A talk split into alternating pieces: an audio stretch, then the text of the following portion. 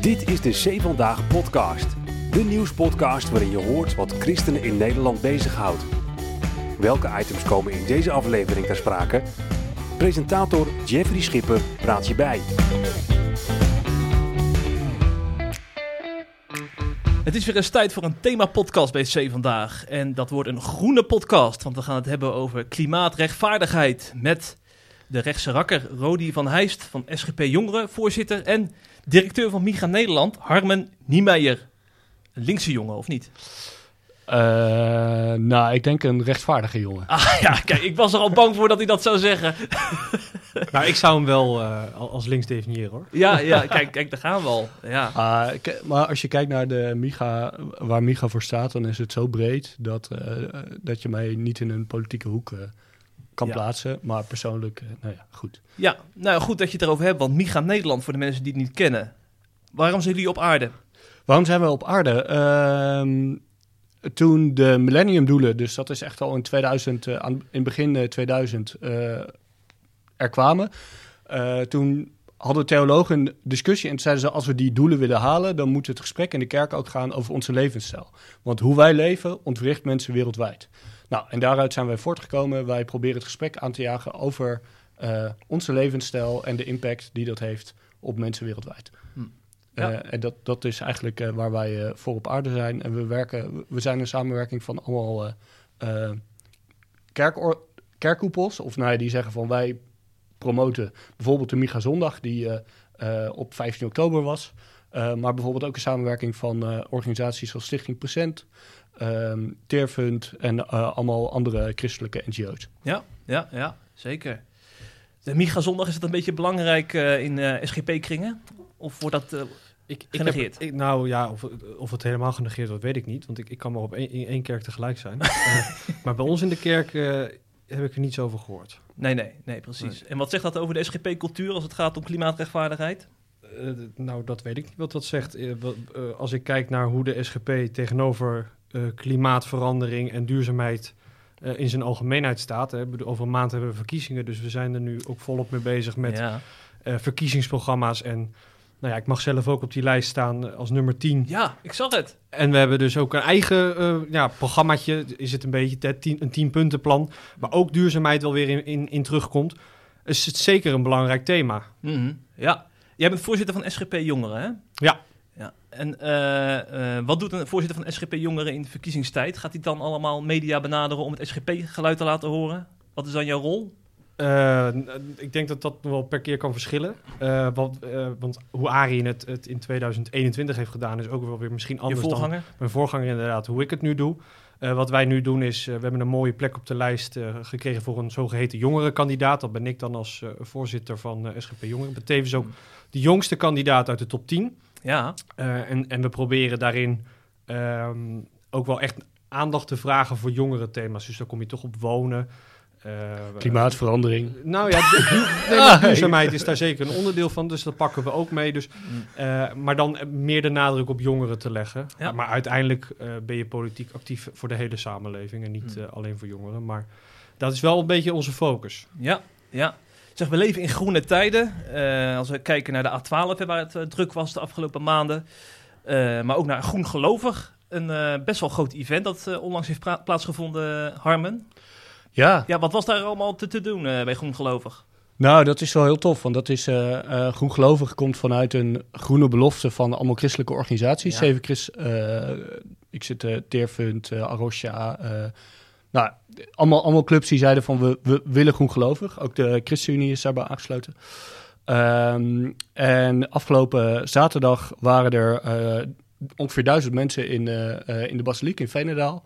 En uh, bijvoorbeeld Paul Schendeling, bekend van Er is leven na de groei, sprak er.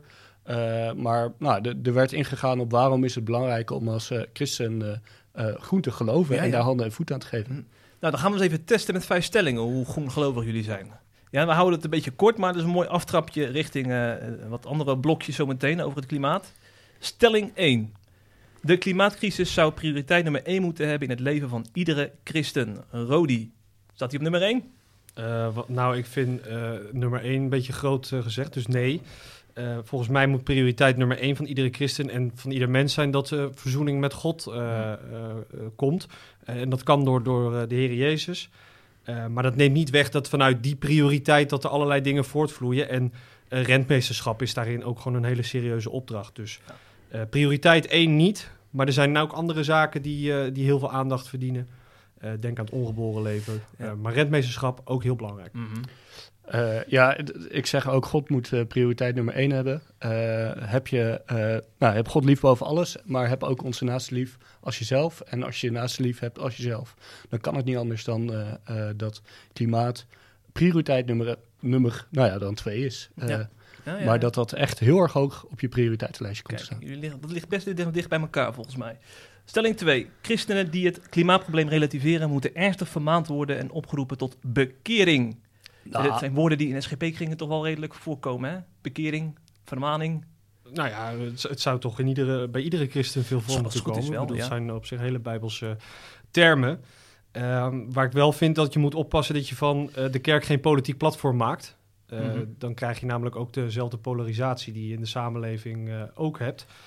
Um, in de christelijke gemeente moet je verschillen accepteren, ook als ze pijn doen. Um, en tegelijkertijd het woord, met een hoofdletter laten spreken. Hm. Ja. Ja, ik, ik denk geen enkel gesprek moet beginnen met vermanen. Uh, het moet denk ik juist beginnen naar begrijpen. Uh, elkaar uh, en dan in, in ieder geval proberen met een gezamenlijke intentie om te snappen van hé, hey, waar, waar zit dan die zorg? en wat mijn ervaring ook wel is, is dat als je dat gesprek hebt en mensen die het echt ontkennen, dat, nou, dat het vaak ook zit in onwetendheid. en als je erachter komt wat er nu gaande is, dat je dan denkt, oh ja, uh, dan kom je nader tot elkaar. Ja. En we kunnen er gewoon niet onderuit dat uh, de balans van Gods prachtige schepping op dit moment door ons menselijk toedoen wordt aangetast. Nou, ik denk dat er wel, wel zo'n brede consensus over is. Uh, ook ook eerder in de podcast toen met Roosmarijn van het Einde en, ja. en Jan... Jan Hoek. Jan Hoek. Nou, Jan Hoek, die, ook, ja, die gaf ook aan van, nou, eigenlijk kan je dat als christen niet meer ontkennen. Ja. Dus het is de, nou, de, de consensus is, uh, uh, is in de hele christ, uh, christelijke kringen wel breed. Ja, maar het is nog wel wat anders. Hè? Relativeren of ontkennen zijn nog wel ja. verschillende dingen. De vierde stelling, heren. Christelijke klimaatactivisten... Of sta ik er nou eentje over? Oh, over. wacht, de derde, joh. Conservatieve christenen moeten beter hun best doen om de kloof met christenen die strijden tegen klimaatverandering te begrijpen. Ja, Rodi? Ja, dan kijk je naar mij. Ja, nee, vind, vind ik wel. Uh, we hebben de plicht, denk ik, om uh, elkaar altijd te uh, proberen te begrijpen. constructieve dialoog met elkaar ja. daarover aan te gaan. Ja. Je bent geen hardliner in die zin van... Nee, ik vind dat je altijd het gesprek met mensen aan moet gaan. Ook, zeker met mensen waar ik misschien niet mee eens bent mm. of anders tegenaan kijkt. Zeker als christenen onderling, hè? Mm. wat, wat ik eigenlijk wel heel interessant vind, en dat ik denk dat Rodi dat nu ook wel onderschrijft, is dat het volgens mij niet zozeer is dat uh, als je conservatief bent, dat je niet kan strijden tegen klimaatverandering. Um, en dat er een bepaalde tegenstelling in deze ja. stelling zit die niet helemaal klopt. Uh, want ik merk eigenlijk uh, dat heel veel christenen, juist vanuit hun conservatieve hm. gedachtegoed, okay. zeggen: ja, maar we moeten de aarde moeten we bewaren. Ja. en de snelheid die we nu, nou ja, we hoeven niet steeds meer, meer, meer. We mogen gewoon terug naar uh, uh, het genoeg. Nou ja, eh, heel terecht dat je het zegt, want ik noemde net al een keer het 10-puntenplan wat wij als uh, SGP Jongeren voor de SGP-campagne willen opzetten. Daar komt consuminderen ook heel nadrukkelijk in voor, dus daar kunnen we elkaar echt wel vinden. Dat is, ik denk ja. dat consuminderen juist een, he een, hele grote aanslag is op, mm. op, op het klimaat en, en überhaupt onze leefwijze. Ja. En dan gaan we even naar de vierde stelling, ja. dan gaan we later nog verder op door. Ja, dit, uh, je, je, merkt nu al dat het uh, ja. leuk gaat worden. Zo. Ja, nee, super. Christelijke klimaatactivisten hebben te weinig oog voor de kritische geluiden uit orthodox-christelijke hoek. Ja, Harmen, dan ging ik nu bij jou. Ja, nee, dat snap ik dat je al bij mij begint. Ja, ik denk dat het ook wel een leerpunt is uh, voor sommige klimaatactivisten om beter te luisteren naar mensen die weerstand voelen. Om soort van erachter te komen van, hé, hey, waar zit die weerstand? Ja. Uh, en ik heb ook wel uh, gemerkt, en dat, nou, dat merk je nu ook al wel, mm. dat mensen heel snel tegenover elkaar worden gezet. Uh, of dat mensen zichzelf tegenover iemand anders zetten. Terwijl uh, we hebben volgens mij hetzelfde hartsverlangen, namelijk goed zorgen voor Gods schepping. Ehm, en eh, dat de een dat uit op een manier die niet past bij de ander, betekent niet dat de ander het niet met je eens is. Ehm, dus ik denk dat daar eh, zeker eh, eh, nou, wel oog voor moet zijn. Ja. Nee, ik herken dat wel hoor. Want het is eh, vaak eh, of het een of het ander. Terwijl, en dat noem ik dan maar even, het redelijke midden heel erg ontbreekt. Het is, eh, ik zei het bij de voorgestelling ook al. we hebben echt wel de plicht om te proberen elkaar te begrijpen. Dat geldt voor conservatieve christenen, maar ook voor, voor eh, christelijke klimaatactivisten. Ja. Een laatste stelling om het af te sluiten. Wie zich vastbijt in de klimaatcrisis loopt het risico om aanhanger te worden van een nieuwe religie. De klimaatreligie. Een nieuw evangelie wordt dat ook wel eens genoemd. Hoor je dat wel eens terug trouwens? eh, klimaatreligie, dat, je, dat dat een nieuwe, nieuwe fenomeen is in deze tijd? Ja, ja, ja je hoort Ja, natuurlijk hier en daar wel eens vallen. En ik denk dat eh, eh, dat gevaar bij iedere zaak kan bestaan als je het niet eh, in afhankelijkheid van God doet. Eh, hè, dus als je andere vormen van onrecht ook uit het oog verliest. Hm. Maar als je eh, bedenkt dat de wereld eindig is en God uiteindelijk alle dingen eh, bestuurt, ehm, dan kun je niet eh, verzanden in het, eh, ja, of, of wegzakken noem ik het dan maar, en dat eh, de klimaatverandering een nieuwe religie wordt. Hm. Hm. Dan is het belangrijk, maar het is niet je nieuwe religie. Ja, ik zou toch eerder zeggen, eh, diegene wie zich vastbijt is een oude levensstijl, is een aanhanger van de uitbuitingsreligie. Ehm, Kijk. En Stefan Paas eh, omschreef het heel mooi. Die zei: willen we de term religie per se negatief gebruiken? Eh, dan zeg ik eerder dat klimaatreligie wordt aangetroffen bij mensen eh, die ten koste van kost willen vasthouden aan een planeetverwoestend verdienmodel. Eh, het is religie op zijn slechts, namelijk magisch en wereldvreemd denken zonder verantwoordelijkheidsbesef. En dat herken ik wel heel erg. Dat op het moment dat ik hier een gesprek en iemand zegt dan is het religie, dan denk ik ja, wat is religie? Ik bedoel, het vasthouden aan eh, een, een manier van denken zoals we dat nu hebben. Dat kan je ook als een bepaalde religie eh, omschrijven. Ehm, Ben je dat ermee eens, eh, Rodi? Ja, zeker. Dat, dat, dat, dat mes snijdt natuurlijk altijd Mm. aan twee kanten. Ja, ja, ja. Dat is Zeg, met, met veel dingen zo, hè? absoluut, absoluut. Dus, dus in deze ook. Ja. Ja. Zeg Harmen, eh, ik las eh, een interview met jou in het Nederlands Dagblad. En toen ging het over jouw studententijd bij Navigators Groningen. We delen trouwens hetzelfde verleden, want ik zat bij Navigators Ede ooit. kijk. Ja. Ah, Ken je mooi. het clublied nog van Navigators? Ja, de- ik zit eh, nu ook weer Maar even- zing het anders even. Eh, Ja, ja, ja. Ach, ach, hoe heet die? Ah, navigators, roept ieder lid nu luid. Wij koersen als een lid. ik wil hem even wat harder zetten. Ja, maar- ja, ja. En nu, ging, nu raakte ik ook weer Ja, de tekst kwijt. ja, ja. Maar goed, dat delen wij dus, dat verleden Ja. bij Navigators. En toen eh, bij jouw dispuut heb, heb jij voorgesteld om, eh, eh, even kijken, eens per twee weken vegetarisch te eten. En wat gebeurde er toen? Ja, nou, wat, wat wel interessant is, is dat... eh, ah, dat was echt een discussie. Ik bedoel, eh, eh, als je lid bent geweest van de studentenvereniging... dan weet je op het moment dat je een motie indient eh, binnen een dispuut... een dispuut is een groep van 20 man, eh, vriendengroep... dat dat wel heftige discussies kan eh, opwerpen. Maar dit was wel echt dat mensen dachten... wat, wat gaat Harman mij nu vertellen? Eén keer in de twee weken geen vlees, dat kan echt niet. Ik, eh, Ja? eh, desnoods neem ik mijn eigen hamburger mee. Ja. En wat zegt dat volgens jou dat er zo gereageerd werd? Ehm, nou, ik, ik vond het wel. We hadden, we, je hebt dan. dat was dan de kringavond, dus Ja. het moment dat je de Bijbel in ging duiken. En ik zei dan ja, op het moment dat ik de Bijbel lees, dan lees ik een boek wat ons oproept om zorg te dragen voor eh, onze naasten. Eh, en ik wil helemaal niet zeggen dat je geen vlees mag eten als christen. Maar wat ik wel eh, wil zeggen is dat we daarin moeten minderen, want vlees heeft gewoon een bepaalde impact op het klimaat. Ehm, en als je één keer in de twee weken met twintig man geen vlees eet, is dat best wel. Nou, dan helpt dat bij. En is het ook makkelijk, want dan heb je in ieder geval één keer in de twee weken dat je het niet doet. Dus dan help je elkaar ook daarmee. Nou, dat was echt dat, dat was erg moeilijk. En wat nu heel grappig is, is dat eh, ik hoor dat eigenlijk bijna alle eh, disputen vegetarisch eten. Dus in een paar jaren is die hele omslag, die, het hele denken is helemaal omgeslagen. Zou jij weglopen van tafel als het wordt voor- voorgesteld, eh, Rodi? Nee, zeker niet. Nee? Zeker niet. Ik, ik, ik heb volgens mij ook wel eens op Twitter een keer... eh, zag ik iets voorbij komen dat iemand zei... Ja, als ik word uitgenodigd voor een vegetarische barbecue... dan neem ik mijn eigen vlees mee. Dat vind ik dan ook allemaal zo eh, krampachtig. Dan denk ik, ja, weet je, barbecues zijn hartstikke gezellig. En als het dan iemand toevallig een eh, vegetarische barbecue organiseert... dan ga ik daar met net zoveel plezier naartoe. Hm. Ehm, ik, ik, ja, ik, ik, ik zou er niet zo krampachtig op reageren. Hm. Nee. Maar hoort dat bij een groengelovig eh christen zijn? Dit soort dingen? Dus minder vlees eten. Letten op wat je in huis haalt. In de supermarkt. Nou, het is denk ik wel goed om eh, over, als christen over alles, bij alles wat je doet, om daarover na Mm. te denken. Ehm, dan, ik bedoel, wij eten thuis ook met, met regelmaat vlees. Maar het is bij ons thuis geen.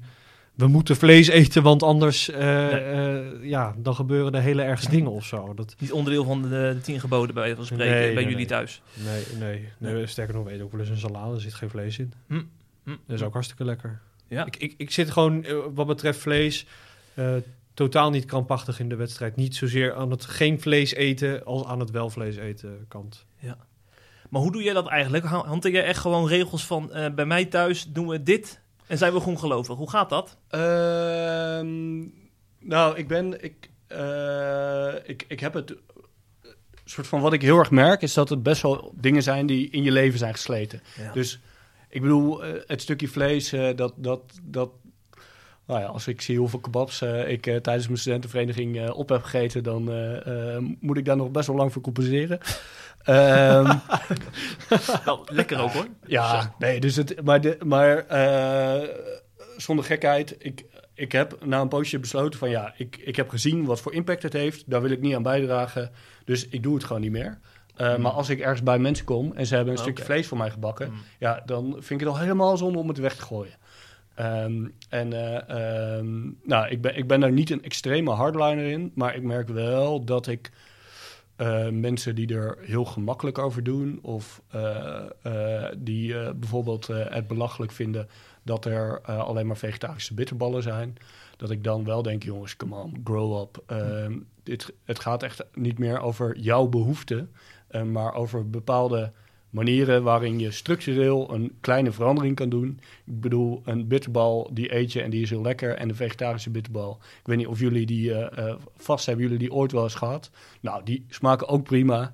Ehm, als, dat, als dat nou een paar van die kleine veranderingen zijn... Als je eh, bijvoorbeeld in de kantine in principe basis ge- geen vlees...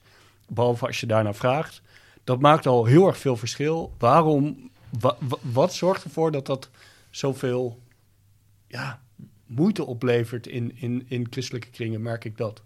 Eh, ja, ik weet niet, we focussen natuurlijk wel een heel klein deel nu Ja. eh, als het gaat om klimaatverandering, het eten van vlees. Eh, ik ben er overigens geen voorstander van om vegetarische kantines, tenzij je om vlees vraagt, want dan ga je een drempel opwerken en zeg je eigenlijk al wat jij doet is niet goed. Ben ik geen voorstander van. Maar het zit hem natuurlijk veel breder. Hè? En het is al een paar keer ook hier aan tafel gevallen. Consuminderen, dat gaat over eh, eh, je, kleding als kapot is. eh, ga je nieuwe kleren kopen. Als je het over, over een vervuilende industrie voor, de, voor, de, voor het klimaat is de kledingindustrie heel vervuilend. Of breng je het naar de kleermaker en laat je het, het repareren. Eh, doe je aan afvalscheiding. En eh, ik denk dat het daarin ook veel meer zit. In het, in het hele consuminderen, het hele levenspatroon. En niet zozeer in, ga eten we vlees eh, of, of, of niet. Ah, dat herken ik wel. Ehm, ik heb bijvoorbeeld jaren geleden besloten, ik koop geen nieuwe kleding meer. Dus alles wat ik draag is tweedehands op onderbroeken en ondershirts aan, want dat, dat is gewoon een poosje versleten. Ehm, en dan kom je erachter hoe absurd veel kleding er is. Want ehm, nou, als je het gewoon zoekt, is het er te vinden. En zijn er dus mensen die Ja. dat over hebben en wegdoen. Eh, en terwijl het gewoon, nou, ik bedoel, jullie zitten tegenover mij. Waarschijnlijk, als ik dit niet had gezegd, dan hadden jullie niet geweten dat het tweedehands was. Ehm, maar volgens mij kan je wel zeggen, vanuit bepaalde, eh, als je het hebt over consuminderen en bewust consumeren, kan je best zeggen, we, we maken een bepaalde keuze. eh, namelijk, we, we zeggen gewoon standaard vegetarisch. En als je het wil en als je bewust zegt, ik, ik wil wel een stukje vlees, eh, dan kan je dat bestellen. En volgens mij zit daar best wel, eh, is dat helemaal niet een drempel. Ehm, maar help je mensen om een bewuste keuze te maken. Ehm, wat Nu, er zit natuurlijk wel een, een, een oordeel achter. Want anders, anders zeg je niet, dan moet je er bewust naar vragen. Dan bied je het ook gewoon aan. Eh, nou ja, je, je ziet in, in kantines dat er gewoon eh, vlees overblijft aan het, aan het einde van de dag. Ehm, en dat je dus dingen moet weggooien. En als je dan dus weet wat de impact is van eh, een stukje vlees of een, eh, nou ja, een salade, dan kan er een paar stukjes vlees zorgt wel dat, dat je in principe eh 20, 30 salades zou kunnen weggooien. Ehm, Nou vind ik dat sowieso zonde. Hè? Eten weggooien, dat, ja, nee, nou dat- vlees of salade, dat, voor mij persoonlijk maakt het niet zoveel uit. Ik vind het sowieso zonde. Ehm, Ja, maar goed, ik bedoel, we, Dus hebben, je- we, we hebben een beper- het- is allebei zonde en het gebeurt. Nou, daar moeten we tegen. eh, maar als je dan zegt, hoe kunnen we verspilling voorkomen? Dan is dat een manier waarin je zegt, oké, vlees is best wel duur, kost veel. En dan niet duur in de zin van geld, maar duur in de zin van wat voor verborgen kost het heeft. Kan je dat op een bepaalde manier, eh, eh, nou ja, kan je dat reguleren of in ieder geval zorgen dat er zo min mogelijk verspild wordt. Volgens mij is het ook een beetje de vraag Ja. van, eh, moet, moet je nou bij alles nadenken hè, bij de keuzes die je maakt? Want eh, ik, ik, tenminste, kijk, ik, vind heel veel dingen belangrijk hè, die Micha Nederland ook eh, naar, bui- naar buiten toe brengt, in, in klimaatbrieven en zo. Maar hoe, wanneer moet je er een regel van maken thuis? Dat vind, dat vind ik nog wel een beetje een lastige. Ah, ik, ik, maar dit is dus ook Ja. waarom ik niet per se zeg dat je een hele harde regel Nee, moet nee. zetten. Maar dit is volgens mij dus dat je een manier verzint waardoor je mensen helpt om bewust een keuze te maken. Ja. Ehm, want anders maak je onbewust die keuze. Mm. Mm. Eh, want dan denk je, ja, oh, oh ja, het ligt er toch, dus ik pak het wel. Ja, maar bijvoorbeeld bij, bij vliegen, hè? Ma- maak je voor jezelf de keuze van, ik vlieg max zoveel keer per jaar bijvoorbeeld. Hoe ga je Eh, daarmee om? Ik, ik heb besloten om helemaal niet meer. eh, ik wil nog nou, één of twee keer in mijn leven een grote reis maken. Maar voor de rest ga ik gewoon niet meer vliegen. Wat Helemaal ook niet? betekent. Nee, Mm. wat ook betekent, ik werd eh, uitgenodigd om eh, op reis mee te gaan naar Suriname. eh, Mm. Samen met het Nederlands Bijbelgenootschap. om over kerk en slavernij en die, het Ja. verleden daar te praten. En toen zei ik, ja, ik vind het heel mooi, maar ik ga dat gewoon niet doen. Want ik weet wat voor gevolgen het heeft. de uitstoot van mijn vliegreis. En vind mezelf niet belangrijk genoeg om me naar eh, Suriname te laten verplaatsen. Eh, dus dat is, dat is dan een, eh, een keuze. En het wil niet zo, zozeer zeggen, want nou, er zijn ook christelijke organisaties die gewoon nog moeten vliegen naar bijvoorbeeld het werk wat ze daar doen in, in Ethiopië of in Mhm. Bangladesh. Ja. Ehm, nou, dat vind ik prima. Ehm, maar voor mezelf heb ik die keuze gemaakt, ik doe dat niet meer. Maar je, zegt, ik, eh, ik wil nog eh, één of twee grote reizen maken. Wat moet ik me daarbij voorstellen? Eh, nou, ik ben, Wereldreizen? Hm? Wereldreizen? nou, ik, ben, ik ben in Thailand geboren. Mhm. En ik zou denk ik nog wel een keer naar Thailand t- terug willen. Ehm, Om en- je roots op te zoeken. Ja, en dat, dat, dat zou ik graag met mijn vrouw nog een keer daar naartoe. Ehm, maar ik heb wel heel veel moeite met het idee dat ik een soort van het recht moet hebben om in een vliegtuig te stappen. En dit is dan een verlangen. Hm. Ehm, maar dat ik, ja, in principe zeg ik, ja, vliegen kost gewoon te veel. Eh, en ik zie dat eigenlijk niet meer, eh, niet meer zitten. Nou ja, ik, ik kan dat deels natuurlijk wel volgen. Hè. Kijk, ook als je eh, de- je inzet, en dat doen wij als SGP ook, voor die 55% reductie CO2 in 2050, eh, dan draagt vliegen daar natuurlijk wel aan bij. Ehm, en, en nou ja, wat ik dus ook wel probeer, ehm, ook vanuit de politieke functie, is wel om te kijken hoe kan je dat nou, eh, hoe kan je daar dan wel in minderen. En dan denk ik bijvoorbeeld al aan, wat, wat laagdrempeligere dingen. Thailand wordt dan een ander verhaal, maar zeker in een straal van zeg 800 kilometer rondom Nederland, eh, als- daar gewoon een treinnetwerk is wat, wat redelijk goed op orde is. eh, en waar je binnen een paar uur, ik noem maar wat, in, in steden als Praag kan zijn ja, volgens mij los je dan ook wel een heel groot deel op. Omdat mensen dan al zeggen van ja, dan stap ik net zo makkelijk in die trein. Eh, want wat ik wel merk is dat het bij mensen, veel mensen niet gaat om ik moet vliegen. Eh, die willen gewoon ergens naartoe. Ja. Eh, en, en die willen dat ook nog een beetje redelijk snel. En dan maakt het denk ik niet uit of het vliegen is of, of met de trein. Dus Maar moeten we niet veel meer het gesprek aangaan over waarom moet je daar naartoe? Want wa- waarom moet je per se... Nee, eh, ik, het gaat niet om je moet er naartoe. Mensen willen er graag naartoe. Net zoals jij het verlangen hebt om met je vrouw naar Thailand te gaan, hebben andere mensen het verlangen om met het gezinnetje na een jaar hard werken eh, een vakantie op de Griekse eilanden te hebben om even met elkaar tot rust te komen. Die wonen misschien in een flatje driehoog achter in, eh, midden in de stad.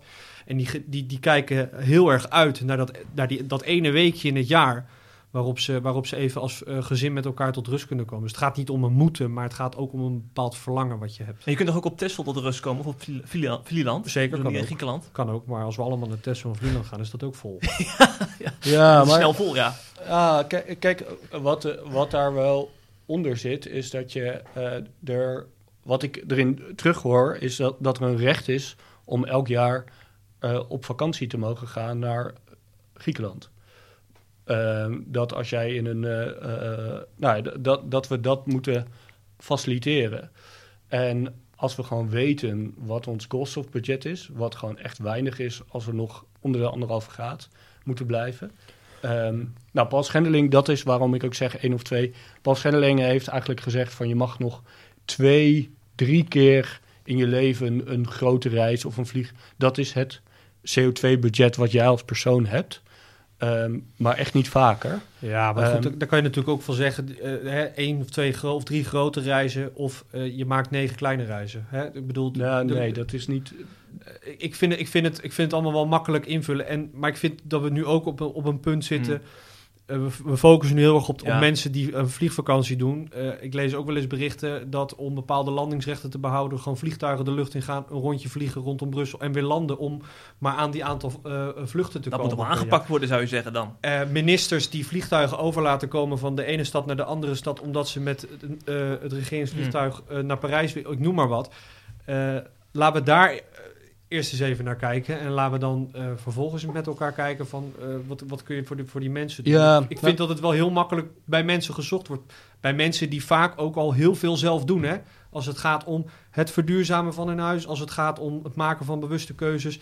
Laten we alsjeblieft eh, het grotere plaatje wel in, in, beeld houden en niet focussen op die mensen die, die ook inderdaad graag op vakantie gaan. Wat overigens geen recht is, maar graag op vakantie gaan.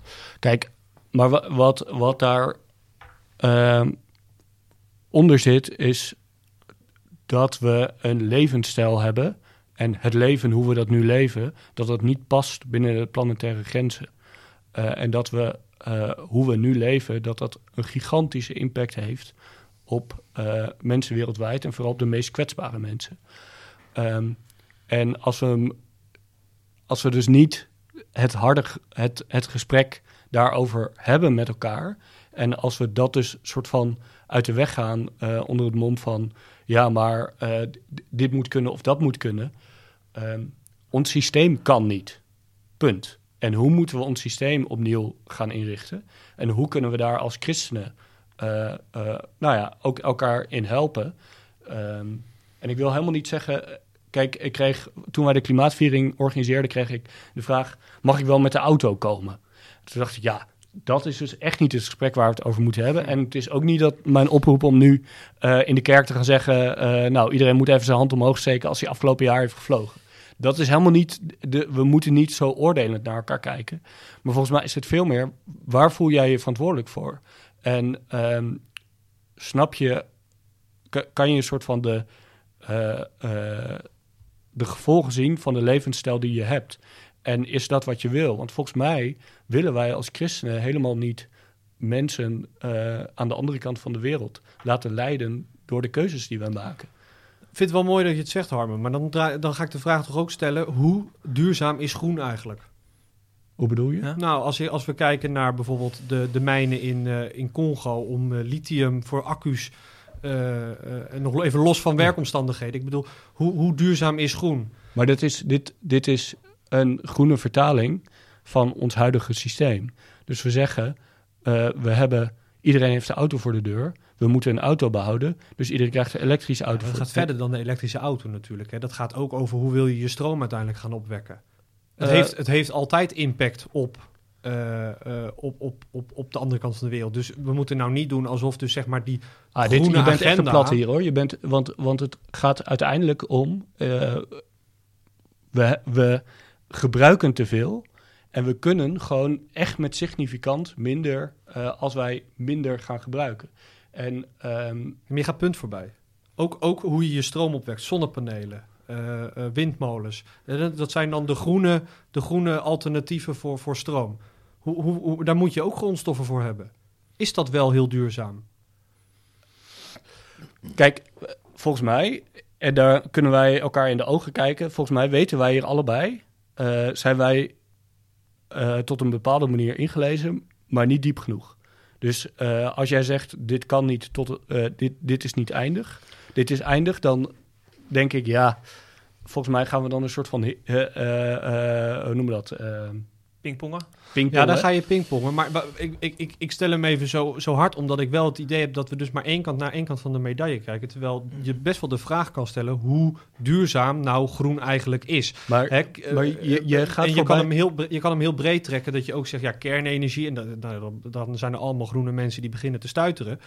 Eh, maar heel erg focussen op, op... Kijk, ik ben het helemaal eens. Hè. We moeten echt wel consuminderen en kijken naar onze levensstijl. Dat helemaal eens. Maar laten we daar niet de absolute focus op hebben. En als ik soms naar jou luister, ook in dit gesprek, heb ik toch het idee van...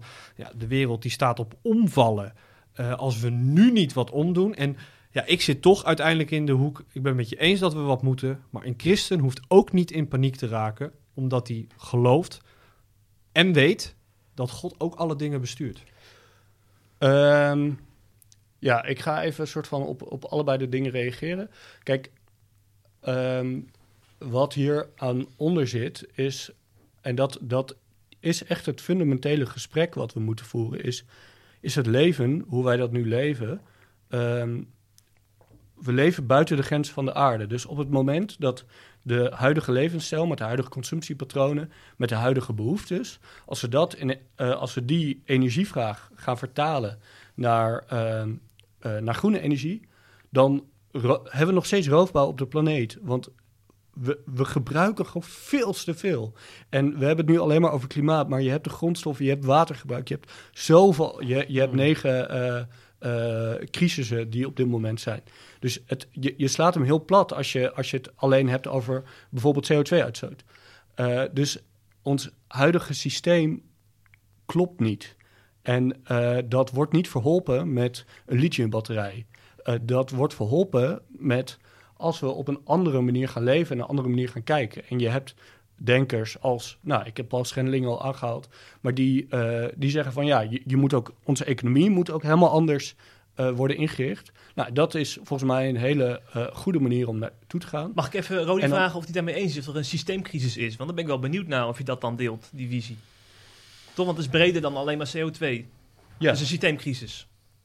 Hoor ik. Ehm, nee, ik, ik, ik, ik, ik vind sowieso het, het, het hele woord crisis al. eh, ik zou niet zeggen dat ik, dat ik daar kriebels van krijg, maar Nee. het, het, het heeft wel iets, iets doemdenkerigs om zich heen hangen. Eh, de wereld is eindig. Dat weten we als christenen. Eh, we hoeven daarover echt niet in paniek te raken. Neemt niet weg dat we een verantwoordelijkheid hebben en dat we eh, goed rentmeesterschap als een serieuze opdracht moeten. En dat we dus wel goed moeten kijken naar hoe richten we de samenleving in. En zeker ook met het oog op het verduurzamen, 55% reductie CO2, eh, noem het maar op. Daar, daar zul je dingen in moeten veranderen, ook in je systeem. Daar ontkom je niet aan. Eh, maar, Maar- dan ook de andere kant, dat die, die blijf ik wel benadrukken. Want die systeemverandering zit hem dus ook in, bijvoorbeeld op een andere manier opwekken van energie. En die vraagt dus ook weer, kijk, bepaalde grondstoffen. Als je echt een systeemverandering wil, dan zou je eigenlijk terug moeten naar hoe het 200, 300 jaar geleden was. Dus voor het hele, eh, eh, dat de industrie opkwam eh, en dat je geen energie had. Toen, toen was het. Hè, toen had je die grondstoffen ook niet nodig. Er is geen alternatief, zeg je dan, dan eigenlijk. Nou, ik, ik, ik, ik zie het niet een alternatief wat niet slecht is voor de aarde op dit moment. Dan alleen weer helemaal terugkeren Hmm. naar dat, ja. Nou, dat, ik, er Ben je dat met me eens? Nee, maar dat is ook omdat er gewoon echt wel heel veel over nagedacht wordt hoe dat wel kan worden vormgegeven. Eh, Ja, maar je gaat niet in op het feit dat ik, als ik zeg over die, die nieuwe manieren, dat dat ook grondstoffen kost. Dan, dan, dan ga je eigenlijk elke keer weer terug naar, nee, ja, maar kijk, naar je je, eigen punt. En dat snap ik wel. nee, maar, nee, maar eh, kijk, als je het bijvoorbeeld hebt over onze vleesconsumptie op dit moment. Mhm. Ehm, ik pak even, even maar en zo zijn er nog dus heel veel dingen. Ehm, maar als je bijvoorbeeld kijkt naar onze, eh, nee, wacht, laat ik een andere pakken. Ehm onze containerschip, eh, scheepvaart op dit moment, gigantisch veel uitstoot. Ehm, nu hoorde ik een hele interessante podcast en die vertelde: wat nou als we windenergie onderdeel, dus als we schepen weer deels op wind laten varen, op dit moment met aanpassingen zou dat 10 tot 20 procent reductie kunnen geven. Op het moment dat we schepen helemaal daar naartoe gaan bouwen, zou dat 40 tot 50 procent reductie van brandstoffen geven. Alleen kunnen we niet meer zo efficiënt de grondstoffen over de aarde verschuiven. Als dat we het nu doen. Dus we worden wat grilliger en het wordt wat. eh, eh, dus het kan niet meer zoals we dat nu hebben. Dus we moeten dan anders gaan kijken en we, we, het, eh, het wordt wat minder afhankelijk. Dus dan Daar heb je een elkaar hoor. Dat, dat, nou ja, nee, daar, eh, ik bedoel, je bent heel kritisch op mij dat ik zeg er moet een systeem, er is een systeemcrisis. Dan zeg ik, we hebben een systeem ingericht wat puur op efficiëntie, et cetera, doorgaat. Dan zeg ik, we moeten dat systeem veranderen. Nou, dan vinden we elkaar, dan kan ik niet anders concluderen dan dat jij zegt dat er een systemische fout is. Nee, ik zei dat ik me niet kan vinden in dat er een systeemcrisis is. Dat heb ik gezegd. Maar dat, je naar, dat, dat er aanpassingen in het systeem nodig zijn, dat lijkt me inherent aan als je naar een andere manier van leven toe wil. En als je wil consuminderen. En ik zie het SGP-verkiezingsprogramma liggen hier bij jou, eh, Rodi. En eh, we willen dat even uitlichten, omdat natuurlijk ook rentmeesterschap en schepping daarin ter sprake komen. Eh, ik las onder andere dat de SGP vindt dat het een goede ontwikkeling is om de aarde niet verder uit te putten door ongebreidelde, ongebreidelde winning van grondstoffen, maar deze op een slimme manier meerdere malen te benutten. Dus er staat natuurlijk nog veel meer in. En toen dacht ik, zou daar de handtekening van Harmen Niemeyer onder kunnen, onder dat verkiezingsprogramma? Harmen. Eh, ja, ik heb. Ik, ik, kijk, ik vind het mooi dat er staat dat we goed moeten omgaan met grondstoffen, energie, water, lucht, bodem. Ehm, maar voor mij is de uitwerking nog wel. Ja, het kan concreter, laat ik het zo zeggen. Ehm, en ik kom het woord klimaat ook echt bijna niet tegen. Het is vooral rentmeesterschap, toch, eh, denk ik. Ja, Goed maar nou ja, bijvoorbeeld, eh, eh, dan, eh, ik, ik heb het stuk over Schiphol gelezen. Ehm, en dan denk ik, ja. eh, Heel daar- concreet hoor. nou, t- ja, maar nou, wat staat... staat erin voor de, voor de luisteraar? Ehm, oh, dat heb ik even. Oh, dat heb ik niet dat weet jij opgeschreven, misschien maar Ik heb er hier staan. Ja, hogere is- belasting op vliegen, minder vluchten. En om te beginnen in de nachtelijke uren en op zondag Nou, geen vluchten meer. kijk. Hoe concreet wil je het hebben? Minder vliegen Harmen? zelfs, man. Hey. SGP. ja, dat weet ik. Ehm, Dit is toch heel concreet? Nou, ik, ik las op de site in ieder geval dat jullie niet pleiten voor eh, per se minder vliegbewegingen. Ehm, dus niet voor een bepaald, nou ja, eh, minder dan 400.000 of iets. Oh, je wilt het nog concreter hebben dan... ja, ik eh, wil gewoon, want, want dan kan je ook zeggen van Het ja, staat hier. Minder vluchten. oké, dus, dan, dus dan kunnen wij eh, eh, elkaar hierop vinden eh, na de. Maar hm. eh, wat onze oproep was in de brief aan, eh, eh, aan christelijke leiders. Klimaatbrief, Ja, we Ja. hadden een klimaatbrief geschreven. vorig jaar, hè? vorig jaar. samen met door 280 predikanten Mm. onderschreven en 27 eh, christelijke organisaties. En onze oproep was heel nadrukkelijk toon leiderschap. En ik ben gaan kijken op sociale media en gewoon in jullie berichtgeving. En om heel eerlijk te zijn, mis ik wel de urgentie. Eh, ik, ik zie niet echt dat de urgentie rondom... jongens, we zitten op dit we, we buiten de aarde uit. We leven niet zoals eh, God dat bedoeld heeft. Je mist de Eh, paniek. nou, nee, ja, dan vind ik hem... Ik vind dat je... Nee, dat is een oprechte vraag. Nee, ik mis niet de paniek. Ik mis leiderschap. En leiderschap is niet per se paniek. Maar leiderschap is zeggen waar het op staat... en zeggen we moeten hier naartoe en het kan wat kosten. Volgens mij is het ook leiderschap dat je eh, heel realistisch naar zaken kijkt. Je kunt niet groen doen als je rood staat. Dus er komen allerlei andere aspecten bij. En is ook leiderschap om daar eh, de juiste keuzes in te nemen. En niet te verzanden in, nou ja, ik noem het dan maar even paniek. Eh, waarvan ik net al zei eh, dat we dat als christenen niet hoeven te doen. Ah, dan, ik kan een hele concrete pakken. Ja. Ehm, de vuiler betaalt. Dat is een van de dingen die, eh, die jullie eh, zeggen. Top. En goed, goed gedrag stimuleren is ook top. Eh, maar waarom dan bijvoorbeeld eh, stemt SGP tegen, eh, terwijl CDA, VVD, ChristenUnie eh, allemaal voor hebben gestemd tegen de motie eh, fossiele subsidies afbouwen. En dan niet zozeer het afbouwen, maar het onderzoeken van een afbouwpad. Mijn vraag is eigenlijk heel simpel. Zie jij een samenleving voor je waarin we die eh, eh, fossiele manier blijven, eh, belastingvoordelen blijven geven? Zie jij een samenleving voor dat we dat blijven doen? Op, op lange termijn misschien niet, op korte termijn zeker wel. Kijk, Maar je weet dat die Nee, motie maar- was een afbouwpad van Ja, twee... Rodi, zeven Rodi maak hem even af. Ja, maar, ja. precies, want daar wilde ik dus op ingaan. Als je het hebt over fossiele, fossiele subsidie, uh, moet je ook wel de hele breedte ervan pakken. Als we kijken naar het energieplafond, wat er vorig jaar was, heeft het toch voor gezorgd dat mensen, vooral mensen met een kleine beurs, toch warmpjes bij konden zitten. Is ook een vorm van fossiele uh, subsidie. Zou je die uh, per direct willen stoppen en zorgen dat die mensen in de kou zitten? Dat Kijk, lijkt me ook niet. Kijk, dit is, dit is een. wat het grappige was, was mm -hmm. dat in die motie werd gevraagd om een afbouwpad voor twee jaar, voor zeven jaar en voor negen jaar. Ik ben niet van de fractie, dus daar kan ik niet voor spreken. Maar ik stel nee, maar dus vraag, vraag, als is... het gaat over... Ik beantwoord jouw vraag over uh, uh, fossiele subsidie. Uh, als je daar nu mee stopt... Ja, maar dan, ik, ik vraag ja. dus toon leiderschap. Dus op zo'n moment zeg je, dit is, een, dit is niet waar we als samenleving naartoe willen. Het gaat over een afbouwpad van twee, zeven of negen jaar. Dat, dat is allemaal lange termijn. Dus het gaat niet over nu. Uh, überhaupt die uh, energiemaatregel was ook. Was, de overheid zei ook: ja, we vinden het eigenlijk wel jammer. We zouden liever geld willen geven aan de mensen die, daar, die het nodig hebben. Maar we kunnen op dit moment. nou, het hele toeslagensysteem werkt niet. De Belastingdienst kan niet snel handelen. Dus dit is een generieke ma maatregel om in ieder geval de mensen aan de onderkant van de samenleving te helpen. Waar, waar ik helemaal voor ben en waar ik echt niet tegen wil zijn. Maar mijn vraag is, heel simpel toon leiderschap. Waarom? Ze, ik bedoel, zo moeilijk was het. Maar Deze mij wordt het leiderschap toch getoond. Ik bedoel, we, we bespreken een aantal hele concrete punten. Ik heb er net ook al een genoemd. Ik heb al, we hebben het over consuminderen gehad, want wat je niet gebruikt, hoef je namelijk ook niet te produceren. Um, daar, daar, zijn wij heel erg voorstander van. Uh, de andere kant is wel, Harmen, ambitie prima. Uh, maar er is ook een maatschappelijke prijs. En op het moment dat je geen draagvlag hebt, betaal je dus de maatschappelijke prijs dan is het soms beter om iets minder ambitie te hebben, maar wel voldoende draagvlak, dan heel veel ambitie te hebben of te veel ambitie te hebben en daarvoor de maatschappelijke prijs uh, uh, te betalen.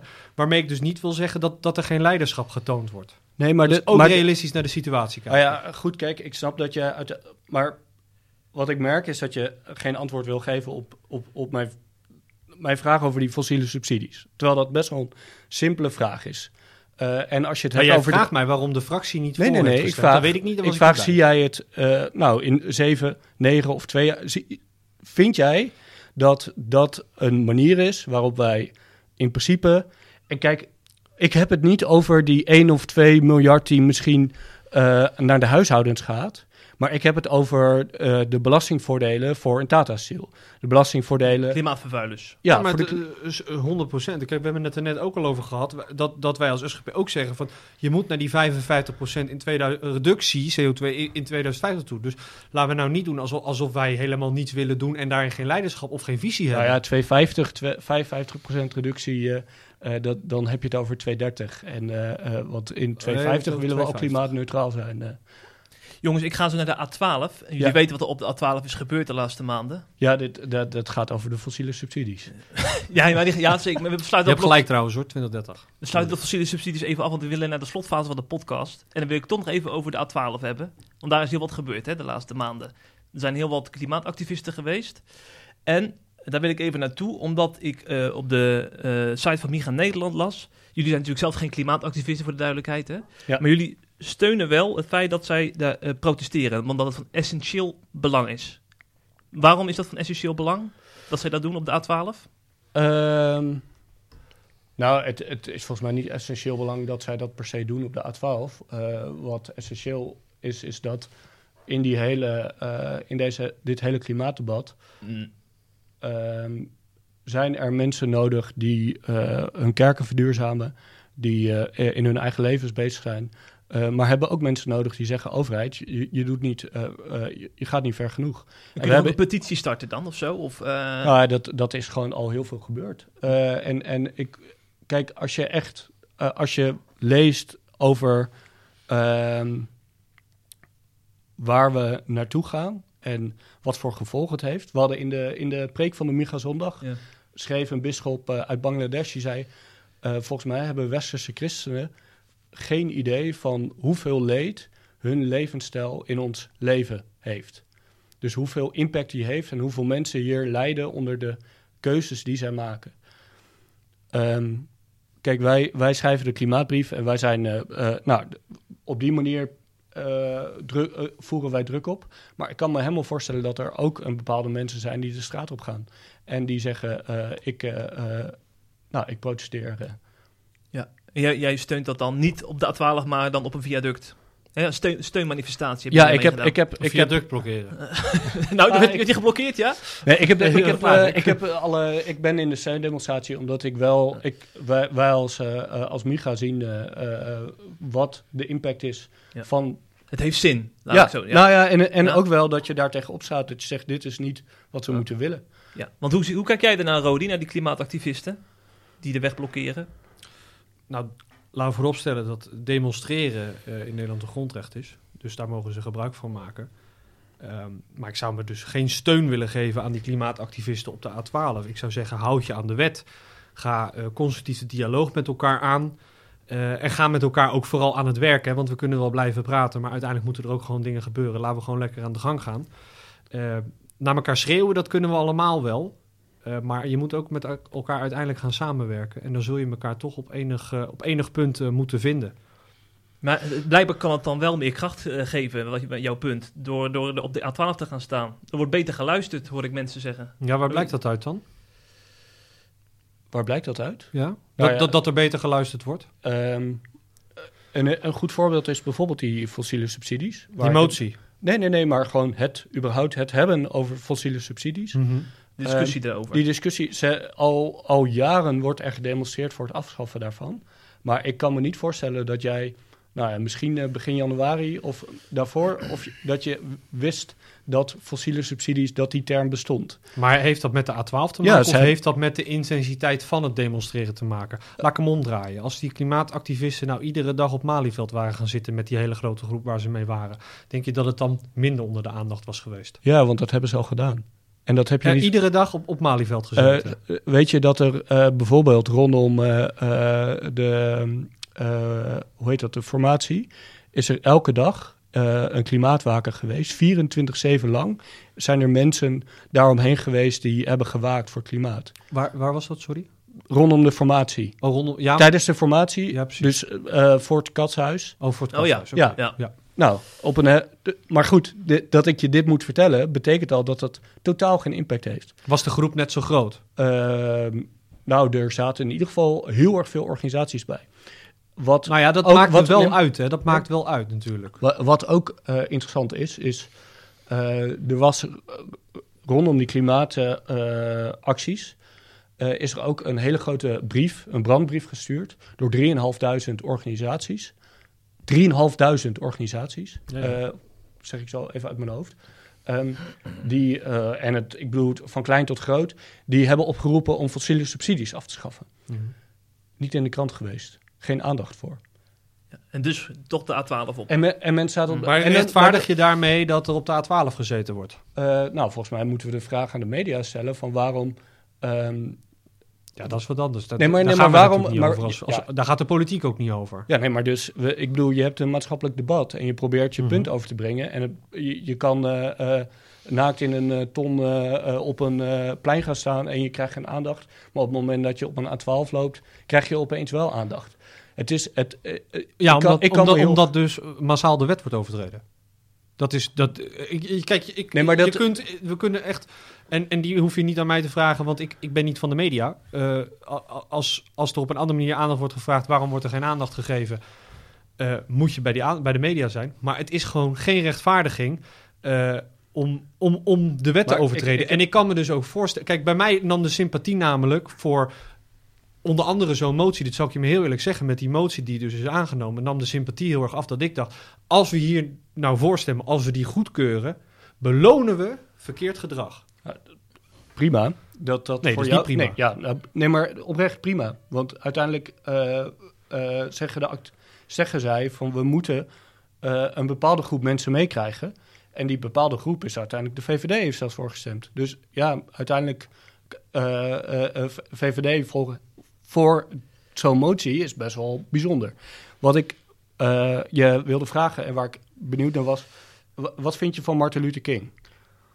Over burgerlijke ongehoorzaamheid gesproken. Wat vind ik van Martin Luther King? Ik vind, eh, want ik, ik heb wel een vermoeden waar hij natuurlijk naartoe wil. eh, de zaken totaal niet te vergelijken met elkaar. Nee, dat vraag ik niet. Ik vraag wat je ervan vindt. Dat hij burgerlijk ongehoorzaam was, bedoel je? Nou ja, hij is, hij is meer dan twintig keer opgepakt. En ik vind hem een hele inspirerende man. En hij wordt heel vaak aangedragen. Wat mijn punt is, is dat eh, in maatschappelijke veranderingen er soms dingen gebeuren waarvan we zeggen: Ja, ik snap echt niet waarom je dit doet. En waarom wordt een wet. Ja. Dus ik, ik vraag. Mhm. Nou ja, en dat snap ik dus niet. En daarom blijf ik bij mijn punt dat ik zeg dat zijn zaken die niet te vergelijken zijn. Ik vind het eigenlijk ook wel kwalijk, want het gaat hier over, over racisme, want daar ging het over. Hè? Over racisme of over eh, klimaatverandering. Dat vind ik echt totaal niet met elkaar eh, eh, Maar- dicht bij elkaar Maar staan. mijn vraag is: wat vi- vind je dat hij daarvoor wel eh, de wet mag overtreden? Dat, dat is mijn vraag. Ja. Ja? Bij, voor racisme? Ja, dus dat gewoon. Want dan, gaan, dan hebben we het over dat met, met mensen in de bus en dat soort dingen. Daar hebben we het dan over. Ja, dus dat is mijn ja, vraag. precies. Ja. Ja. Nou, dat, dat vond ik gerechtvaardigd, ja. Maar dat vind ik wat anders, Harmen. Nee, maar ik, dat- nee, maar ik vind, nee, maar ik vind hem heel vals. En dat, dat meen ik serieus. Ik vind hem heel vals. Want we gaan het hier over de weg blokkeren... om, om je wil op, over fossiele subsidies op te leggen. We hebben het hier niet over racisme, hè?